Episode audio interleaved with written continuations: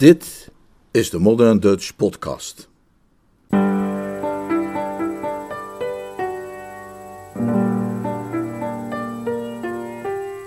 Het Kamperfoeliehuisje.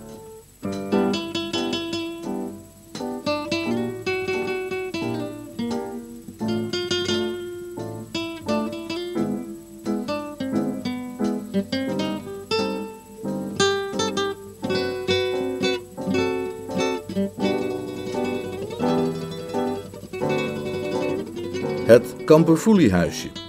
Een verhaal van P.G. Woodhouse, Honeysuckle Cottage, uit de bundel Meet Mr. Mulliner uit 1927. Dit is het tweede en laatste deel, vertaald en voorgelezen door Leonard Beuger.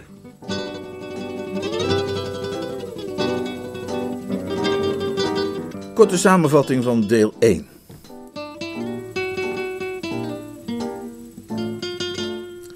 Mr. Mulliner vertelt het volgende verhaal over zijn verre neef, James Rodman, een schrijver van detectiveboeken.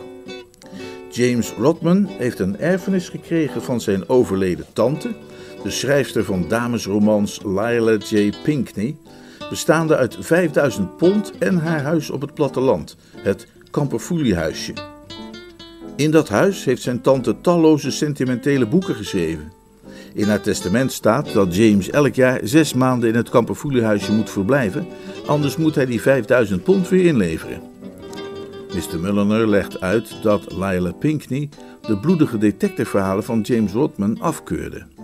Ze zette die clausule in haar testament omdat ze geloofde in de invloed van de omgeving op de menselijke persoonlijkheid en wilde dat James zou vertrekken uit het verderfelijke Londen.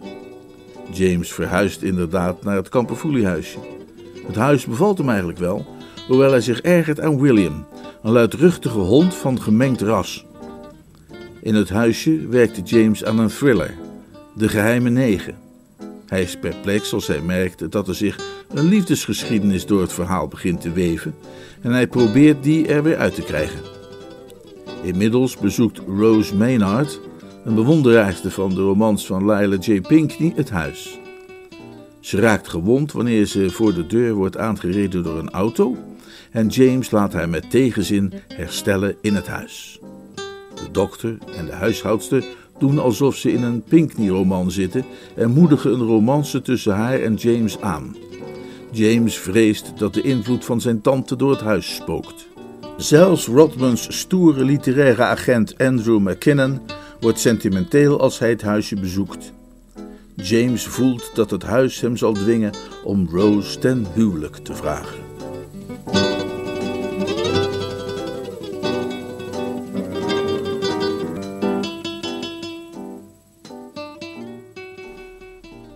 Het is noodzakelijk op dit punt ons verhaal even te onderbreken om James Rodmans houding eens onbevooroordeeld van naderbij te beschouwen. De gemiddelde man zou zich bij diens standpunt niet snel aansluiten. James, zou hij eerder denken, maakte zich druk om niks. Elke dag zag hij zich immers nauwer en nauwer verbonden met een allerliefst meisje met grote blauwe ogen, en men zou hem toch zeker eerder kunnen benijden dan beklagen. Maar wat we niet moeten vergeten, is dat James een echte, geboren vrijgezel was. Een vrijgezel van nature. En een gewone man die verlangend droomt van een huisje voor zichzelf met een liefhebbende vrouw die zijn pantoffels voor hem klaarzet en de grammofoonplaten verwisselt, kan zich niet voorstellen hoe intens in tijden van gevaar het instinct tot zelfbehoud bij vrijgezellen van nature wel kan zijn. James Rodman had een aangeboren afschuw van het huwelijk.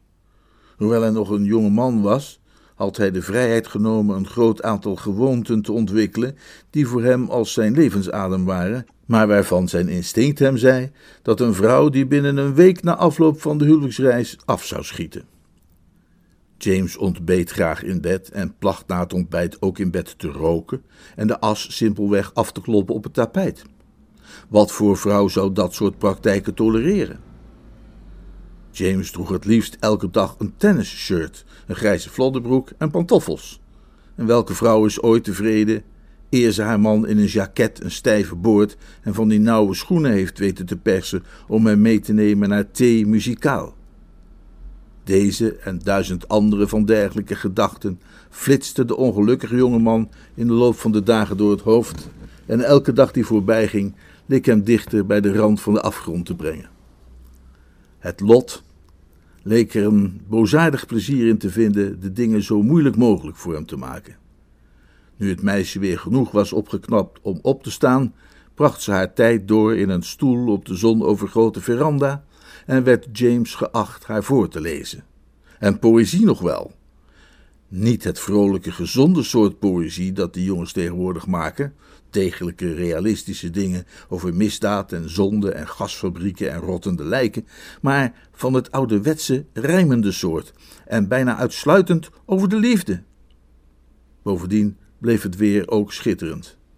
De kamperfoelie verrijkte het zachte briesje met zijn zoete geur. De rozen boven de veranda wiegden en knikten. De bloemen in de tuin stonden er fraaier bij dan ooit en de vogeltjes zongen hun keeltjes schor. En iedere avond was er een prachtige zonsondergang. Het was bijna alsof de natuur het expres deed. Uiteindelijk sprak James Dr. Brady aan toen die na een van zijn visites wilde vertrekken en legde hem de vraag ronduit voor: Wanneer gaat dat meisje weg? De dokter legde een hand op zijn schouder.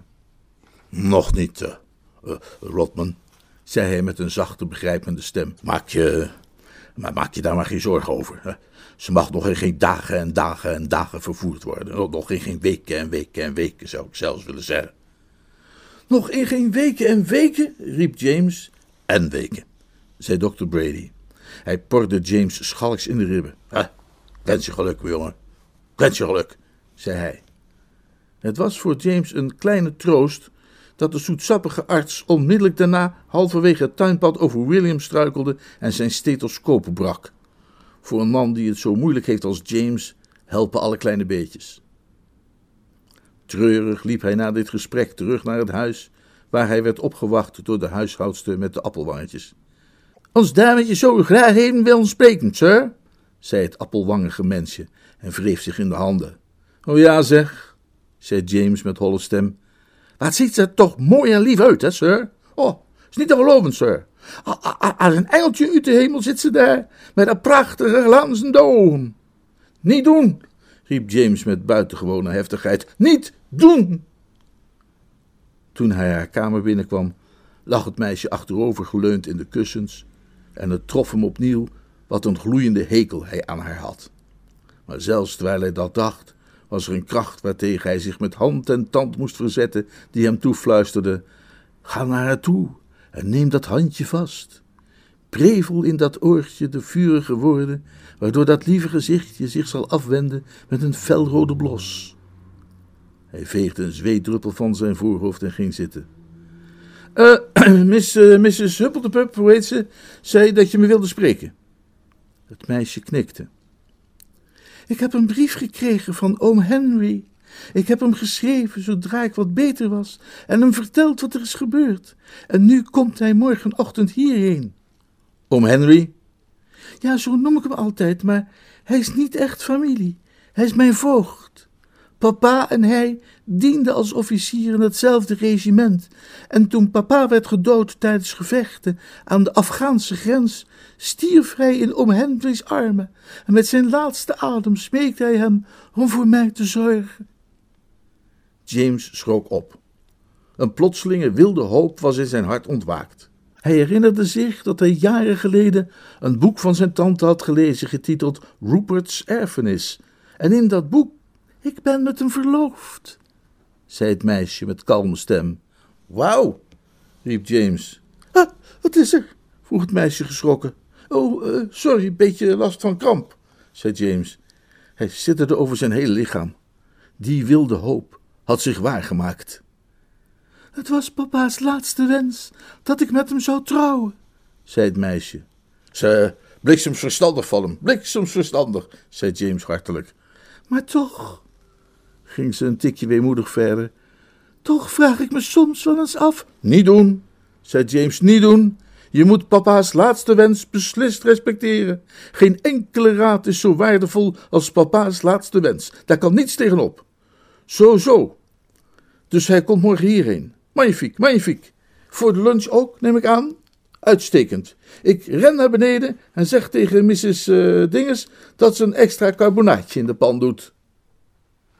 Het was met een opgeruimd en vrolijk hart dat James de volgende ochtend door de tuin kuierde en zijn pijpje rookte.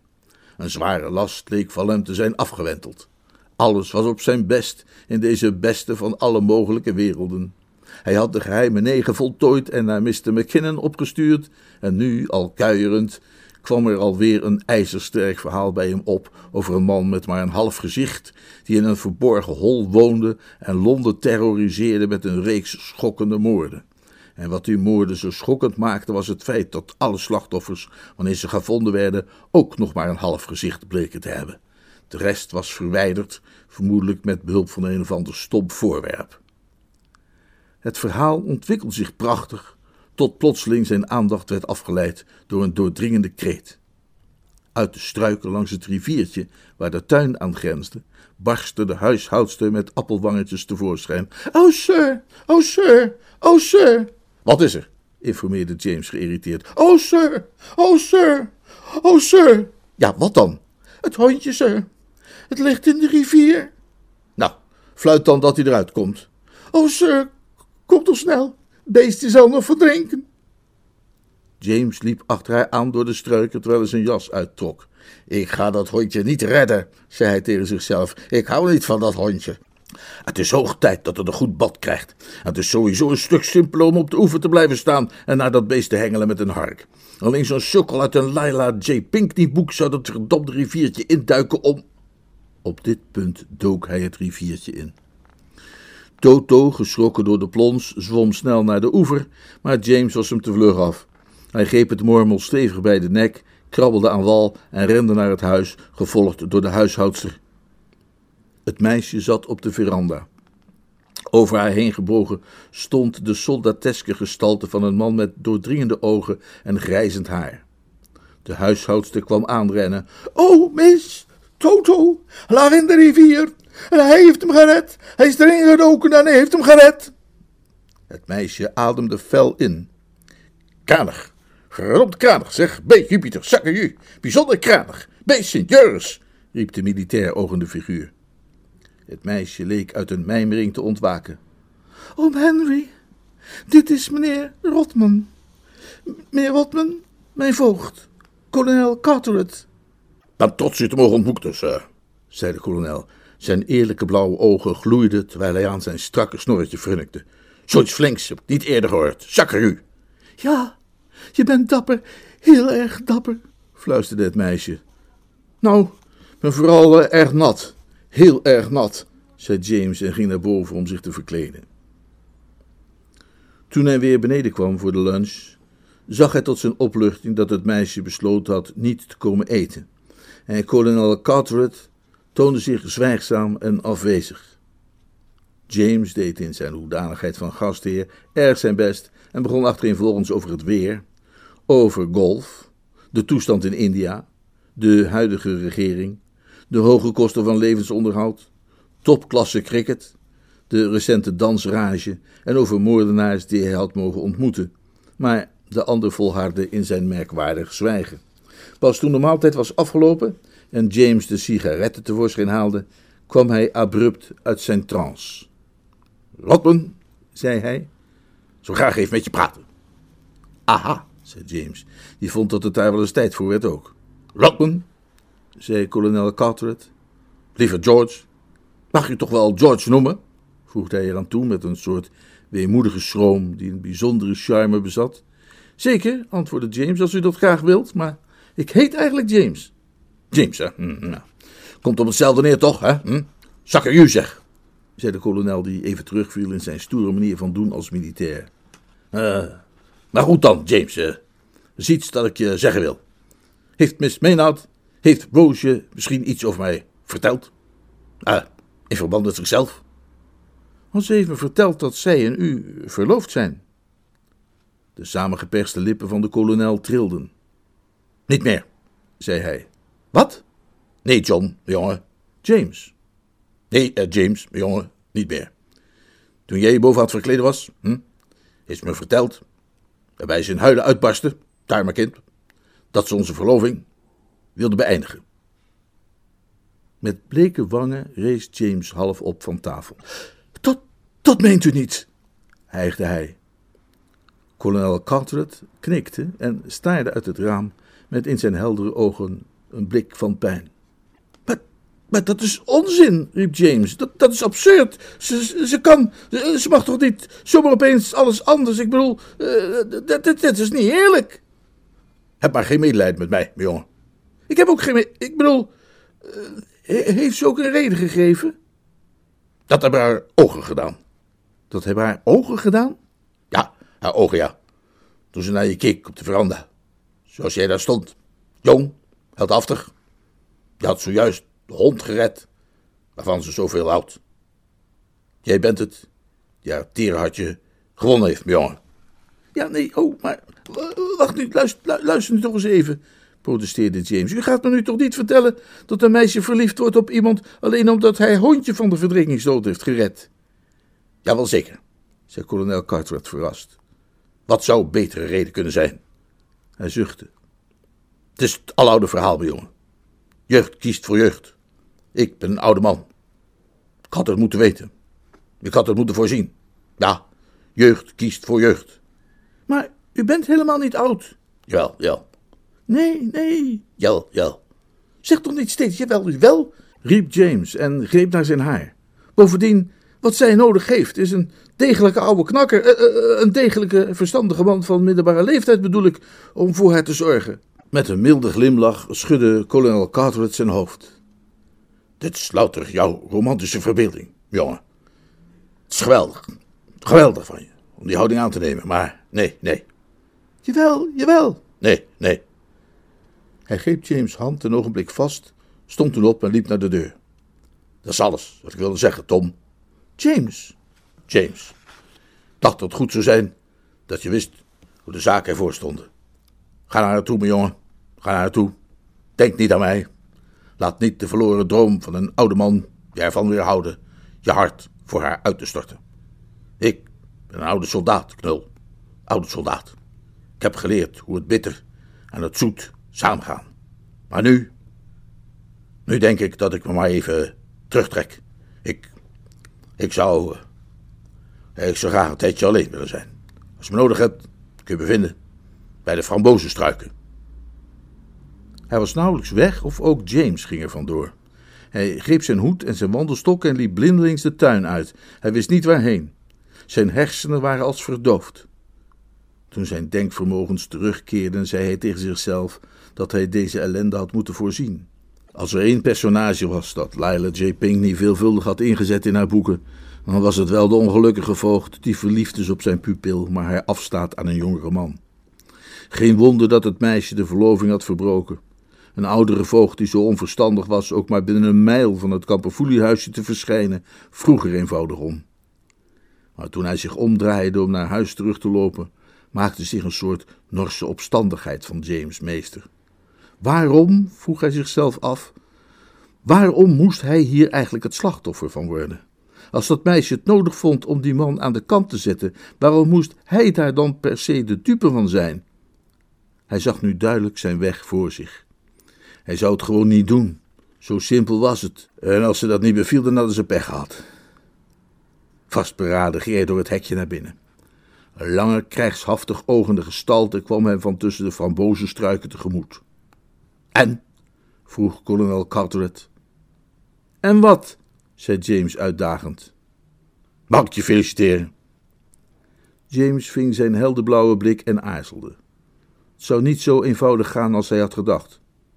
Uh, tja, zei hij. In de doordringende blauwe ogen verscheen een blik die James daar nog niet eerder had gezien.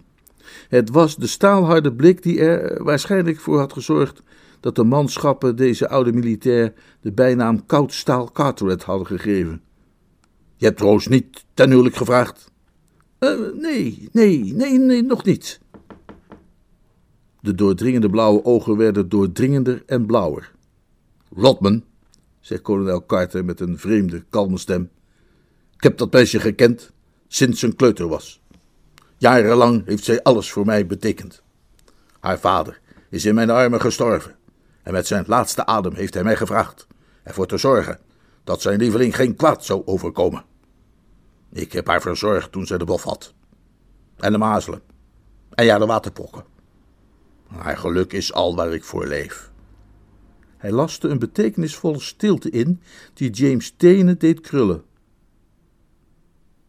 Rodman, zei hij, weet jij wat ik doen zou met een man die lichtvaardig omging met de genegenheid van dat meisje? Hij stak zijn hand in zijn heupzak en een gruwzaam uitziende revolver glansde in de zon. Ik zou hem neerschieten als een hond. Huh? Als een hond, stamelde James. Als een hond, zei kolonel Carteret. Hij nam James bij de arm en wendde hem in de richting van het huis. Ze is op de veranda. Ga nu naar haar toe. En als. Hij brak zijn zin af. Maar tut, tut, zei hij op vriendelijke toon. Doe jou onrecht aan, jongen. Dat weet ik. Oh, ja, zeker, zeker, zei James geestdriftig. Jouw hart is dat broederplaats. Oh, absoluut, zei James. Ga dan naar haar toe, mijn jongen. Later heb je mij dan wellicht iets te vertellen. je kunt me vinden tussen de aardbeienbedden. Geurig en heerlijk koel was het op de veranda. Een briesje speelde lachend tussen de rozen.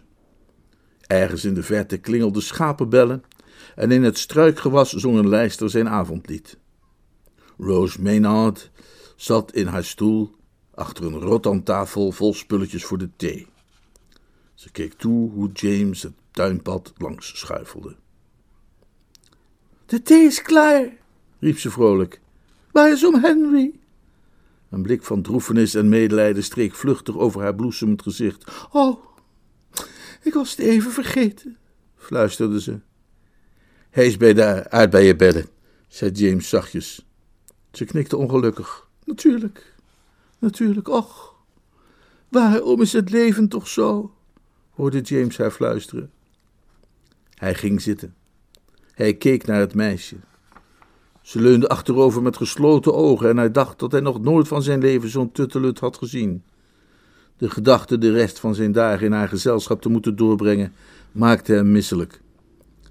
Hij was fel gekant tegen het idee wie dan ook te trouwen, maar als hij zich, zoals het de beste onder ons kan overkomen, ooit toch gedwongen zou zien om in het bootje te stappen, had hij altijd gehoopt dat het zou zijn met een of andere vrouwelijke golfkampioen die hem kon helpen met zijn poeten. Hè? En door zo zijn handicap wat omlaag te krikken hem in staat zou stellen, bij wijze van spreken, nog iets uit het wrak te redden. Maar om zijn lot te verbinden met dat van een meisje dat de boeken las van zijn tante en ze nog mooi vond ook. Een meisje dat de aanwezigheid kon verdragen van een hond als Toto. Een meisje dat haar handen ineens sloeg van onschuldige kinderlijke vreugd als ze de Oost-Indische kers in bloei zag staan. Dat was te veel. Hoe dan ook, hij pakte haar hand en begon te spreken. Miss Maynard. Rose. Ze opende haar ogen en sloeg ze neer. Er kwam een blos op haar wangen. Het hondje Toto naast haar ging rechtop zitten, maar bedelde ongezien en tevergeefs om taart. Laat me je een verhaal vertellen. Er was eens een eenzame man die helemaal alleen in een klein huisje woonde. Hij zweeg. Was het James Rodman die deze kletskoek uitsloeg? Ja, fluisterde het meisje. Op een dag kwam er in dat huisje zomaar uit het niets een elfenprinsesje bij hem aan. Zij. Hij zweeg opnieuw, maar deze keer niet uit pure schaamte bij het luisteren naar zijn eigen stem. Wat maakte dat hij zijn verhaal onderbrak was het feit dat op dit moment de theetafel plotseling langzaam omhoog kwam en enigszins kantelde, waarbij een aanzienlijke hoeveelheid hete thee over de knieën van zijn broek werd uitgegoten. Auw! riep James en sprong op. De tafel bleef omhoog komen, maar viel tenslotte om en onthulde het vertrouwde smoelwerk van William, die verscholen achter het tafellaken onder de tafel een dutje had liggen doen. Nu kwam hij langzaam overeind, zijn ogen op Toto gericht.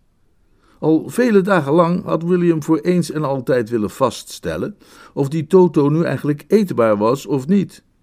Soms dacht hij van wel, dan weer van niet. Dit leek een uitstekende gelegenheid om op die vraag een definitief antwoord te krijgen. Hij benaderde zijn onderzoeksobject en produceerde daarbij via de neusgaten een zacht fluitend geluid als van een ketel water die bijna aan de kook is. Na een lange blik van afschuw en ongeloof stak Toto echter zijn fraaie staart tussen de poten, draaide zich om en vluchtte naar veiliger orde. Hij zette regelrecht koers richting het open tuinhek en William schudde driftig een schaaltje marmelade van zijn kop en draafde hem met schonkige pas achterna. Rose Maynard stond geschrokken op. Oh, red hem! riep ze uit. Zonder een woord te zeggen, sloot James aan bij de processie. Het lot van Toto motiveerde hem daarbij maar matig. Wat hij vooral wilde, was William bij de kladden te krijgen om de kwestie van die thee op zijn broek met hem door te nemen. Hij bereikte de weg en merkte dat de volgorde der lopers ongewijzigd was gebleven. Voor zo'n klein hondje wist Toto zich geweldig te weren. In een wolk van stof scheurde hij de hoek om. William volgde in tweede positie en James achteraan. En zo kwamen ze langs de schuur van boer Bucket, de koeienstal van boer Giles, de plek waar de varkensstal van boer Willets had gestaan voor de grote brand, en langs café De Druiventros, eigenaar Jonathan Biggs met volledige vergunning. Maar toen ze de hoek omsloegen, de laan in die langs de kippenren van boer Robinson leidt, schoot Toto heel bij de hand onverwacht een smalle afvoerleiding in. William! brulde James, die kwam aangegalopeerd. Hij hield stil om een tak van de weg te plukken en stormde dreigend op het beest af. William zat op zijn hurken voor de afvoerbuis en toeterde een geluid als van een fagot naar binnen. Maar nu kwam hij overeind en liep James stralend tegemoet. Zijn ogen gloeiden van aanhankelijkheid en kameraadschap. Hij zette zijn voerpoten tegen James' borst en likte hem drie keer snel achter elkaar in het gezicht. En terwijl hij dat deed, leek er in James iets te breken. De schellen vielen hem van de ogen. Voor het eerst zag hij William zoals hij werkelijk was. Volledig en onvervalst het soort hond dat zijn baasje redt van een gruwelijk gevaar. Een golf van emotie overspoelde hem. William, mompelde hij, William. William knaagde ondertussen tevreden op een halve baksteen die hij langs de weg had gevonden. En James bukte zich en aaide hem liefdevol. William, fluisterde hij, jij wist wanneer het tijd was om het gesprek een andere richting te geven, ouwe jongen. Hij richtte zich weer op. Kom, William, zei hij, nog vier mijl, dan zijn we bij Meadow Street Junction. Als we opschieten, halen we nog precies de sneltrein naar Londen. William keek hem recht aan en James meende dat hij hem een kort knikje gaf van begrip en goedkeuring. James keek om. Tussen de bomen door kon hij in het oosten het rode pannendak zien van het kamperfoeliehuisje, dat daar als een boosaardige draak op de loer lag in hinderlaag. Man en hond liepen samen zwijgend de ondergaande zon tegemoet. Dat, besloot Mr. Mulliner zijn verhaal, is de geschiedenis van mijn verre neef James Rodman. Of het waar gebeurd is, blijft natuurlijk een open vraag. Persoonlijk ben ik van mening van wel. Leidt geen twijfel dat James inderdaad in het Kamperfoeliehuisje is gaan wonen en dat hij daar een ervaring heeft doorgemaakt die een onuitwisbaar stempel op hem heeft gedrukt. Wie hem vandaag de dag ontmoet, ziet hoe in zijn ogen die onmiskenbare blik ligt die men alleen vindt in de ogen van overtuigde vrijgezellen die aan de rand van de afgrond hebben gestaan en van dichtbij hebben gestaard in het onverhulde gezicht van het huwelijk. En mocht er behoefte zijn aan meer bewijs, dan is er William. Die is thans James onafscheidelijk metgezel. Zou een man dagelijks in het openbaar gezien willen worden met een hond als William, tenzij hij een gegronde reden had om het dier dankbaar te zijn? tenzij hij zich met het dier verbonden voelde door een gezamenlijke, intense en onuitwisbare herinnering? Denk het niet. Ik persoonlijk, wanneer ik Willem op straat zie aankomen, steek de weg over en ga in een etalage staan kijken tot hij voorbij is. Ik ben geen snob, maar ik leg mijn reputatie en sociale standing liever niet in de waagschaal door gezien te worden in gezelschap van dat merkwaardig mengproduct. Die voorzorg is ook ver van overbodig. William wordt gekenmerkt door een schaamteloos gebrek aan respect voor de sociale verschillen in onze samenleving, die doet denken aan de ernstigste excessen tijdens de Franse Revolutie. Ik heb hem ooit met eigen ogen een Pommerse keeshond achterna zien zitten die het eigendom was van een barones van geboorte. Vanaf het beeld van Achilles tot op een paar meter van Marble Arch. Maar desondanks wandelt James dagelijks met hem op Piccadilly. Dat moet beslist veelbetekenend worden genoemd. He'll build a little home, just meant for two, from which I never roam.